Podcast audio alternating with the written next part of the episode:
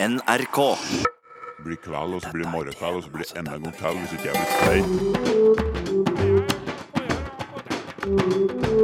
blir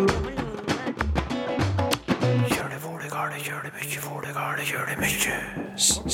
Barnehager sender ansatte på sangkurs. Hva skjer da? Det går litt ut i midjen, sant? og så går navlen inn For sang skal gjøre det lettere for barna å lære seg språket. Jeg hører jo at det høres veldig enkelt ut, men egentlig så er det så enkelt. Og andre barn synger seg vekk fra talefeil etter nyutvikla metode. Så da tenkte jeg at hvis jeg lager sanger hvor målet er å bedre uttalen av ett ord per sang, så kanskje det er en måte å trene opp eh, ulike talemotoriske ferdigheter. Vel møtt til Språkteigen. Det skal altså handle mye om barn, sang og språk i Språkteigen i dag. Erta, berta, sukkererta, buksa di er altfor vid. Skal du bo alene i den, eller går det flere i? Mer musikk, bedre språk er navnet på et prosjekt som fire barnehager i Trondheim har satt i gang. Der må alle ansatte gå på sangkurs. Da begynner vi med kaffe. Kaffe er bra for sangstemmen, er det ikke sånn? Jo. Rundt bordet på personalrommet i Kolstad barnehage i Trondheim har fire barnehageansatte fått et litt uvanlig besøk. Hysj. Og hva skjer da? Ingenting? Nei da. Kjenner dere Det er noe aktivitet. Det går litt ut i midjen, sant? og så går navlen innover ryggraden. Ja. Og så kan man selvfølgelig, hvis man syns det er vanskelig å kjenne det i midjen, så kan man selvfølgelig holde hånden ved, på magen ved navlen og kjenne at navlen er aktiv mot ryggraden. Sammen med tre andre barnehager i kommunen har Kolstad barnehage startet prosjektet Mer musikk, bedre språk. Målet er at det skal bli lettere å bruke sang og musikk i barnehagene, i tillegg til at språkutviklingen skal skje raskere. Hovedårsaken var jo det at vi har unger som har store utfordringer og tenkt det her må vi gjøre noe med, og hva kan vi gjøre? Og da var det til slutt at vi konkluderte med at jo, vi er nødt til å bli bedre på å bruke sang og musikk i barnehagene våre. Det forteller enhetsleder i Kolstad barnehage, Elin Ødegård. Med hjelp fra sangpedagoger la de en treårsplan, og resultatet ble sangtimer til alle ansatte. Så kan vi jo bruke det det gjennom bilder til barna. ikke sant? Nå skal vi late som vi er en eh, ond heks med en skummel plan. Få høre. Så kan man jo teste ut etterpå. Bjørnen sover Skal vi gjøre det en gang? Bjørnen sover, bjørnen sover i sitt lune hi. Ja, jeg mener jo at uh, dette prosjektet her, som er en pilotprosjekt, er noe som bør utvikles til å gjelde for eh, barnehager i hele landet. Sangpedagog Christer Onnestad har den siste tiden undervist barnehageansatte i området. Kunnskapen om sang og barns eh, stemmer er for liten. Det mangler i utdannelsen, så allerede der eh, burde det jo komme inn. Men kanskje dette prosjektet her kan være en sånn rett på sak, da. Rett, rett i praksis. Og så kan vi skape et eh, miljø hvor eh, sang kommer mer på bane, og hvor eh, barnehageansatte i stor grad har større forståelse for hvordan de skal tilrettelegge sangstundene. Jeg skal bare prøve å samle ungene, og da setter jeg på melodi for å få dem samla. Det er så lurt, det. For barnehageansatt Karne Marie Heggelund har sangtimene den siste tiden allerede gitt resultater. Jo, jeg syns det er veldig inspirerende. Det gir meg, gir meg veldig mye som jeg kan ta med meg i hverdagen min. Og som jeg kan overføre på ungene.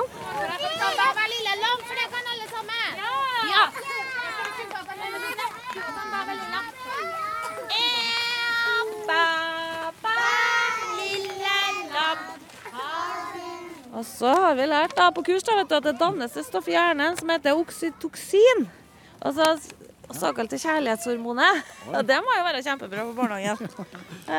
Og selv om sangtimene i hovedsak skal bidra til bedre språk og sangglede blant barna, kan sangtimene også ha andre effekter. Jeg ser jo det at eh, når jeg kommer hjem, nå, så har jeg litt Spotify på og synger litt med, og det er liksom prøve å Bor en liten popstjerne Ja, det gjør egentlig det. Så det blir Idol neste, tror jeg. Mm. Joakim Ose var reporter i barnehagen i Trondheim. I Bergen er det òg satt i gang slike prosjekt, og Nora Bilalovic Kulseth, du er musikkforsker ved NTNU, og dette har kommet i stand på bakgrunn av din forskning. Men hvordan kan du si at sang gjør det lettere å lære språk? Du, det er hvis vi eh, sier at det er tre grunner til at det blir lettere å lære seg språk når vi synger sammen, så er den første grunnen den helt åpenbare, at vi øver oss på språket når vi synger, ikke sant? Akkurat som vi sang engelsk engelske sanger i engelsktimen på ungdomsskolen, eller tyske sanger Mein han is tot, mein han is tot. Ikke sant? Vi øver oss på de nye språklydene. Det er jo helt opplagt.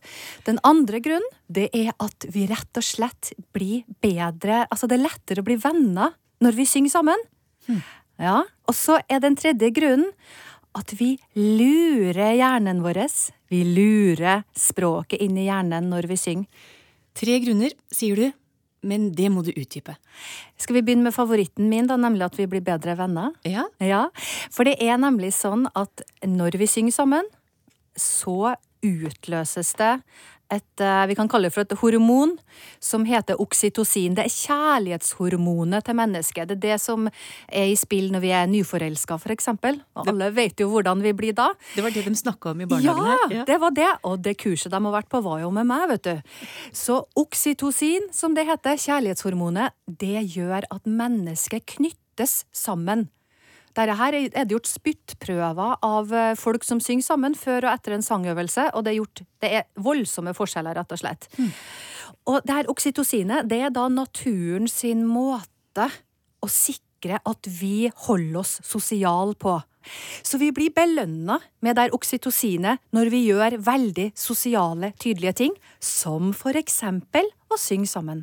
Men hvorfor er det viktig for språkutviklingen, da? Jo, det er sånn at Barn lærer språk i lek med andre barn. Vi kan finne opp så mange pedagogiske, metodiske språkpakker som vi bare vil til vi blir blå i trynet, men det er ikke der barn lærer språk. De lærer språk i lek med andre barn som allerede har målspråket. Og Derfor er det så viktig å få dem ut i leik. Og det som er litt trist, det er at eh, barn som ikke snakker norsk, de blir faktisk holdt utafor i leiken. For små barn de gidder jo ikke å, å, å, leke med andre barn som ikke skjønner hva man snakker om. Altså, Lek er jo en så abstrakt verden i utgangspunktet, og så i tillegg skal det være med noen som ikke skjønner det hele tatt hva du sier. Nei, mm. da kan du stå der og være ku på bondegården, eller baby i den vogna der. Så det å få tilgang til vennskap, få tilgang til å være med i leken, der ligger nøkkelen. Og de andre punktene? Ja, vi skjønner jo alle sammen at vi øver oss på språket når vi synger sanger. ikke sant? Altså Når vi synger tekst på norsk, da, for eksempel, så kommer jo språkmelodien blir jo riktig på grunn av melodien i sangen. Du kan ikke synge med feil intonasjon fordi den sangen er sånn og sånn. Og så gjentar vi eh, versene, vi gjentar Altså, vi skjønner alle sammen det. Jeg trenger ikke å bruke tid på å forklare det at det er smart, Nei. så jeg kan gå rett over til å lure hjernen. Ja. ja, som er ganske kult. Fordi jeg vet ikke om noen eh, som hører på det her, har hørt om at når man har hatt slag, så kan man fremdeles Noen kan fremdeles synge, selv om de ikke kan snakke. Så folk kan ha mista taleevnen sin, men de kan fremdeles synge en sang. Eller omvendt. Og dette her, det handler om at det å gjenta en sangtekst, altså å synge språk, det er noe annet for hjernen enn å snakke. For da må vi produsere språket, vi må huske hva ordene er, vi må vite hvordan grammatikken er. Men når jeg da synger de disse sangene, så øver jo hjernen seg likevel på frasene, på språklydene og på alle de rare nye eh, tingene som tunga og munnhula og strupehodet må gjøre med det her nye språket. Og dermed så Det er på en måte litt sånn at når det regner på presten, så drypper det på klokkeren. Det blir liksom sånn at når vi da synger så mye på norsk, så får vi rett og slett språket inn i hjernen bak døra. Hm. Og så slipper hjernen å være stressa og tenke 'Å, herlighet, hva var det ordet?' 'Å, hva var det jeg skulle si?' Og jeg husker det ikke. Men så bare synger vi oss inn i det, og bing! Plutselig så kan vi det.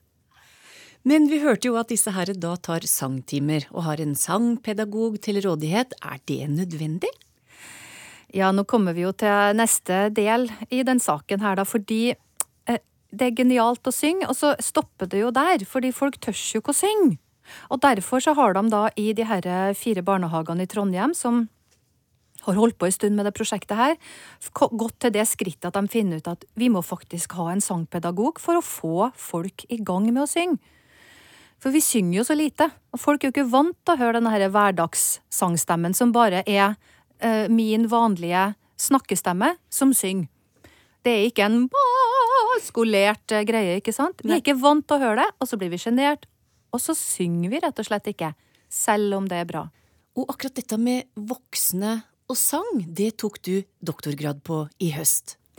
Ja, akkurat i eh, doktorgraden min så måtte jeg begynne å forske på de voksne, nettopp fordi vi er så redd for å synge. Så doktorgraden min handler om eh, hvordan den voksne kan tilrettelegge for at alle barna blir med i det her eh, synginga. Eh, men hele problemområdet er jo nettopp på det her. Hvordan kan sang bidra til bedre språktilegnelse for, for mennesker som skal lære seg norsk? Men er det virkelig så enkelt at bare hvis de begynner å synge litt i barnehagen, så blir det bedre språkutvikling? Ja, jeg hører jo at det høres veldig enkelt ut, men egentlig så er det så enkelt. Altså, det å synge sammen, det har en vanvittig sterk kraft for mennesket. Det er utgangspunktet for språket vårt. Det er sånn vi kommuniserte tilhørighet, tilknytning, trygghet.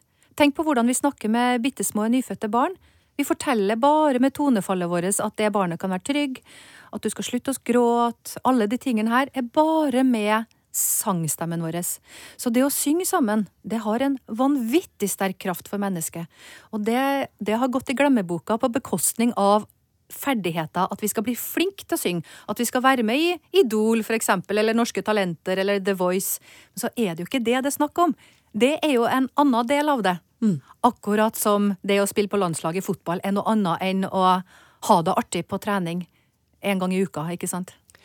Nå har jo flere barnehager holdt på med dette ei stund, men vet du ikke noe konkret om effekten? Å ja, det er helt klar en positiv effekt, forteller alle de barnehagene som har vært med i Bergen. Der har det jo vært i gang siden 2012, faktisk. Eh, en helt klar positiv effekt. Og så er jo dette her eh, Det er ikke forska kvantitativt på, som det heter. Det vil si vi har ingen tall og prosenter og grafer å vise til. Men erfaringskonferansene som er gjort i etterkant av eh, prosjektet i Bergen, er klart positivt. Det sa musikkforsker ved NTNU, Nora Bilalovic Kulseth.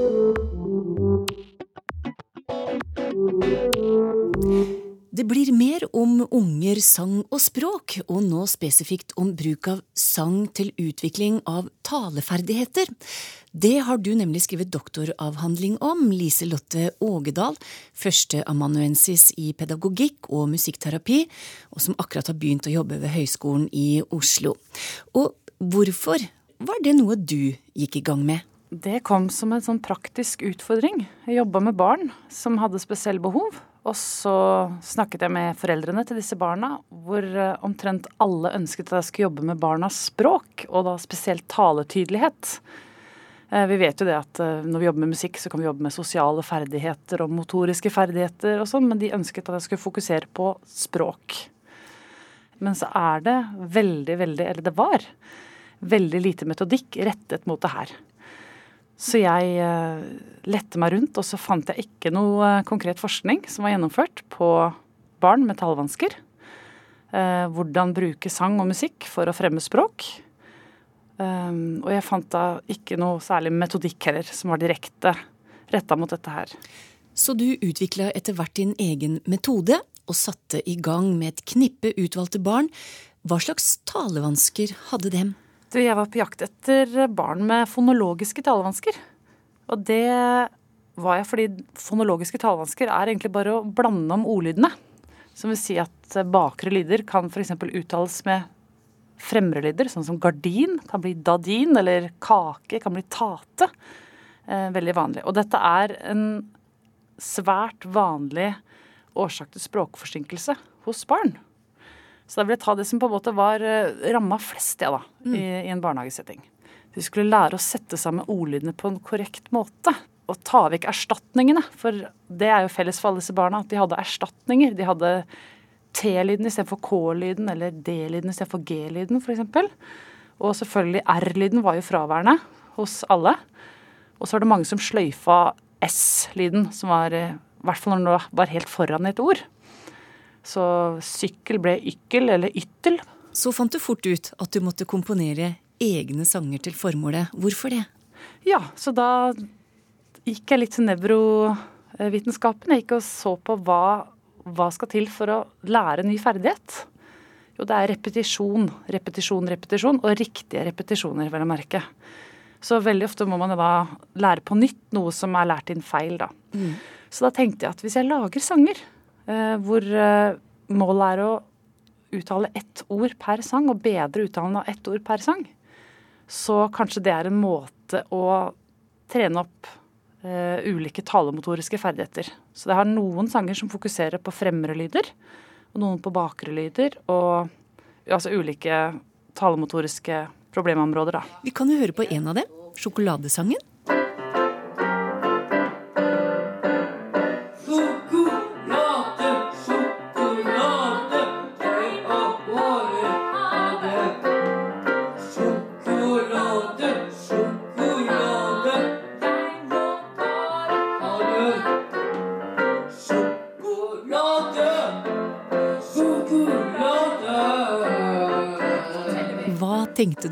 Komponerte sjokoladesangen, Liselotte? Jeg hadde erfart at mange barn sa bare 'lade'. Eh, og veldig mange barn som har da en språkforsinkelse, utelater jo de første stavelsene. Første lyden i ordet. Så sjoko er ofte borte. Og K er en vanskelig lyd, for den ligger bak i eh, munnhulen. Den blir ofte fronta, da, så kan det bli sotto, lade f.eks. Så da sjokolade pluss at sjokolade er noe alle barn har et forhold til. For dette er jo også et viktig aspekt her, at det skal være motiverende og gøy for mm. barna. Mm. Så da vil jeg velge noen ord som jeg visste at barna hadde et forhold til. Og den har av en eller annen merkelig grunn blitt en hit på skolen jeg jobber på. Sjokoladesangen er kul, altså.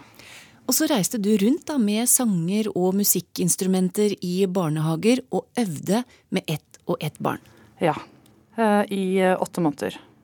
Men jeg hadde seks uker musikk med hvert barn da. Så var det da mange barn som fikk musikktilbud, og så var det mange barn som ikke fikk det. Disse ble valgt ut eh, helt tilfeldig da. Det ble jo fordelt i et sånt statistikkprogram. Så at vi faktisk fikk se barn som var sammenlignbare ut fra talevansker. Og så fikk vi se er det noe forskjell på disse gruppene. De som fikk tilbudet, og de som ikke fikk tilbudet. Og resultatet, det overraska deg? Jeg var overraska over at det lille utvalget jeg hadde, at det ga signifikante endringer. Altså eh, endringer som ikke skal skyldes tilfeldigheter hos eh, de barna som fikk tilbudet. De fikk en skyhøy endring etter bare seks uker med spesialtilpassa sang. Mens de andre var jo da naturligvis eh, ganske jevne, fordi seks uker er veldig kort tid. Han eh, ene gutten i prosjektet var sånn eh, Han var egentlig verdt alle barna som var med i forhold til resultatet. For han eh, hadde nesten eh, ingen lyder på plass da vi starta. Ingen diagnose. Ingen av barna hadde noen diagnoser. Og denne gutten han snakka hele setninger etter kun seks uker, og moren sa at det var helt sånn eh, Hun kunne ikke forstå at det var mulig at det kunne være en så stor endring. Men det som var hos han, var at han syntes dette var innmari gøy. Ja. Og jeg tror det er nøkkelen hos han. At han hadde så veldig, veldig lyst til å synge. Så han eh, hadde en ekstremt god utvikling på seks uker. Så det var veldig ulikt hvor mye man økte. Men eh, generelt så viser studiet at de barna som hadde reelle talevansker fra start, de fikk en signifikant bedring, da. Så hvordan konkluderer du? Hvorfor kan sang bidra til god taleutvikling hos eh, barn?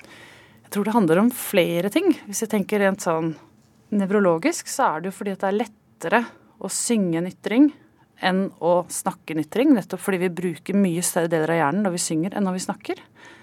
Eh, det er jo bare den nevrologiske biten, men jeg tror det kanskje det viktigste er motivasjon. At barna ønska å gjenta ordene og gjenta og gjenta og gjenta. Så får de også en auditiv tilbakemelding av meg som ikke er i form av ord. Jeg sier ikke riktig eller galt eller Men jeg synger uttalen riktig til barnet. Sånn at barnet hele tiden får en sånn slags justering gjennom min sang. Eh, hvor det er veldig vekt på mestring, mestring, mestring, selvfølgelig. God stemning, og aldri noen kommentarer om at eh, barnet ikke synger riktig toner eller riktig ord. Vi bare gjentar sangen til barnet klarer å uttale ordene riktig. Og så er det veldig viktig å variere da, masse hvordan du gjennomfører. Så rett og slett repetisjon, motivasjon og, og ros. Riktig. Det sa førsteamanuensis i pedagogikk og musikkterapi Lise Lotte Ågedal, som òg har blitt en etterspurt kursholder i barnehager om metoden hun har utviklet.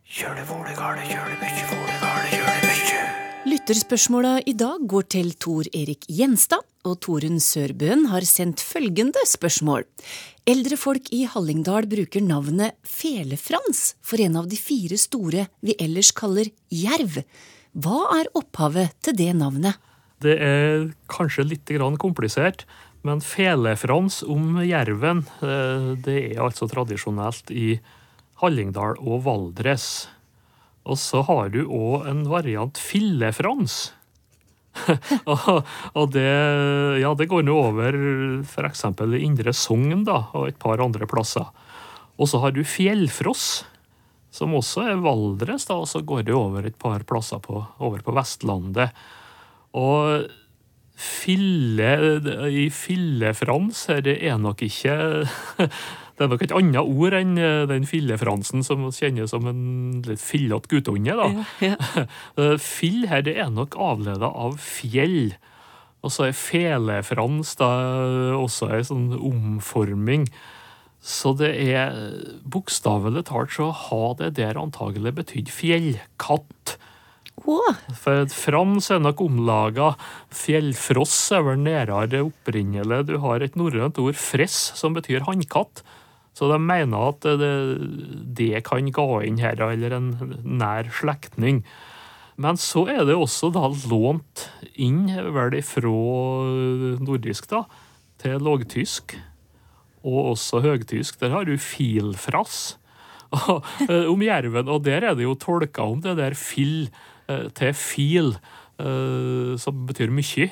Og så filfrass, slik som de har oppfatta det, det er jo rett og slett en storheter. Og frass der er vel kobla til det som kjennes som å fråtse. ja. Og så kan det vel ha gått tilbake igjen til nordisk, da, og kan ha gått noen omveier, men det opprinnelige her er visst at det har betydd fjellkatt, rett og slett. Så ingenting med fele å gjøre, Nei, det har nok ikke det. Selv om det er i Hallingdalen? ja da, nei, jeg kunne jo tro det, men det er jo eh, det er vel en sånn folkeetymologisk eh, omtolking, og kanskje litt i spøk. Og det er jo definitivt når de eh, har gjort det om til fillefrans, da. Da, da er det nok en rev bak øret, og her eller en jerv bak øret, kanskje. Kjell Flatøy har spørsmål om et ord fra Helgeland, nemlig krine. Han viser til krinalefse, som ble bakt ved hjelp av redskapen krine eller krine. Og nylig hørte han ordet brukt på en ny måte for han i setningen Jeg trur ikke det var ei krine på fjorden på over ei veke, altså fjorden lå blank. Brukes det på denne måten andre steder, og brukes ordet i andre forbindelser, spør han, og så lurer han på opprinnelsen til ordet.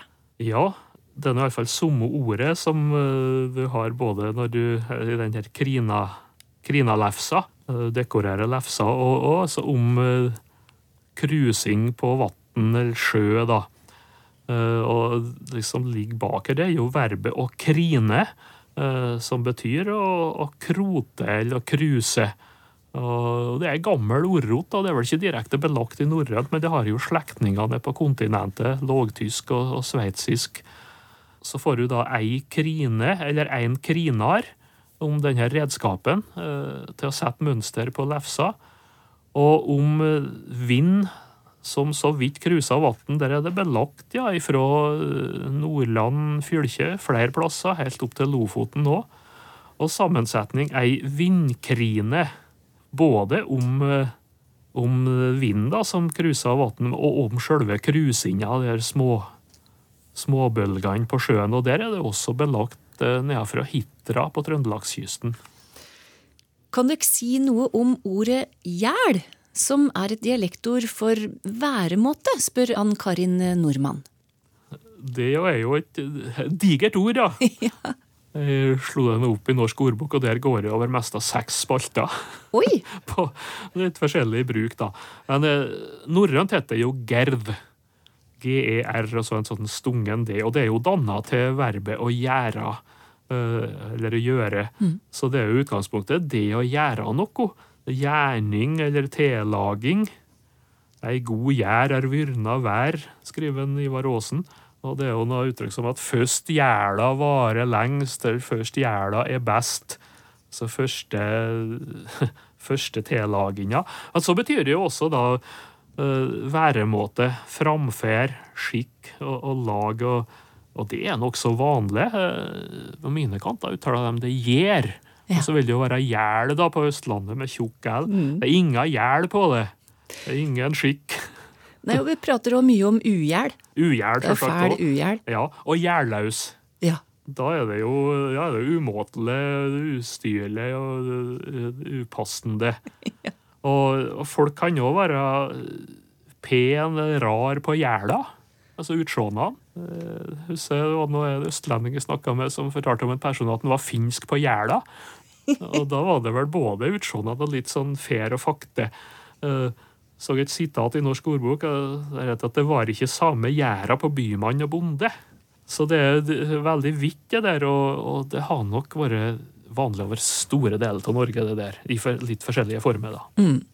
Men Ann-Karin Nordmann er opptatt av den der østlandske versjonen med tjukk L. For Mm. Ja. dette ordet her skal ha tjukk L, det skal hete jæl, sier hun. det det. Ja da. Men er det en lyd som er true? spør hun.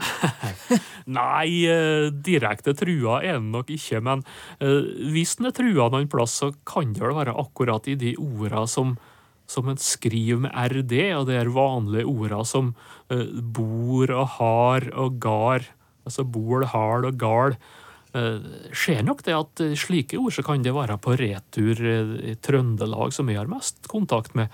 Og da er det vel kanskje skriftbildet òg som slår inn der, da. Men det her gjæl, det, det, det skjer jo ikke så mye i skrift, så akkurat i det ordet, så, så lenge ordet holder seg, så tror jeg det vil bli med tjukk L, ja. Og så har du ordet ord. Ja, Et- ord, ja. et ord. ord, ja. ja ikke sant? Det skal være med, med tjukk L. For den har jo to opphav, den tjukke L-en. Det ene er jo vanlig L, som i dal og folk. Og så har du noe med ord som en da skriver med RD, som kommer av norrønt R pluss slik stungen D. Takk til deg, Tor Erik Gjenstad, som svarte på lytterspørsmål i dag. Om ei uke så skal vi kåre årets ord her i Språkteigen. Så jeg håper vi høres da. Ha det riktig bra.